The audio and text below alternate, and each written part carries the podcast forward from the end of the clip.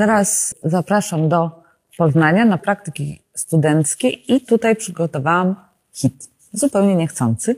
Otóż oglądałam te zdjęcia z kolegą, który się trochę lepiej zna, który ma bardzo dobre oko do fotografii, więc go prosiłam o różne rady. I zatrzymaliśmy się przy zdjęciach tych chłopaków, którzy noszą pojemniki na śmieci, trochę nie znając, nie znając kontekstu. I no tak y, rozmawialiśmy o tym, czy te zdjęcia są pozowane, czy nie są pozowane. I prawdę mówiąc, w ogóle nie sądziłam, że będę o nich opowiadać podczas tego oprowadzania. I dosłownie kilka dni później trafiłam na taką książkę wydaną w koniec lat 60.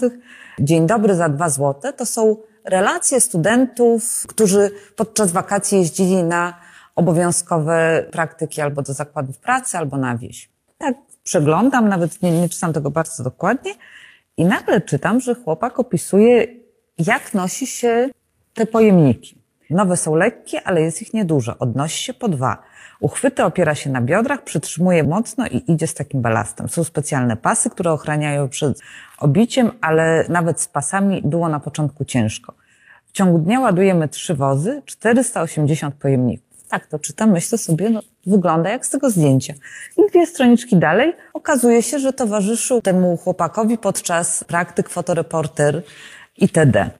Potem się okazało, bo dowiedziałam się z kolei z książki Marty Sztokfisz poświęconej rocznicy tygodnika, że udział itd. w akcji studenckich praktyk, opisywanie tych praktyk i w rezultacie ta książka była takim ukłonem redakcji wobec władzy po 68 roku, żeby przeprosić za studentów.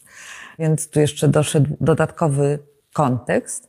W każdym razie główny bohater tych zdjęć nazywa się Edward Parol i wcale nie zamierzał praktykować w MPO. Chciał pracować na targach poznańskich. Te praktyki się nie udały i dlatego spędził trzy miesiące w miejskim przedsiębiorstwie oczyszczania. Praca w wakacje wiązała się z realizacją naszych, moich i dziewczyny marzeń. Niestety nie piszę jakich marzeń. Jeśli chodzi o same zdjęcia, to oczywiście o tym już opowiedział sam bohater. Interesujące wydaje się zdjęcie z chłopcami, którzy widzą odjeżdżającą śmieciarkę i zatykają uszy.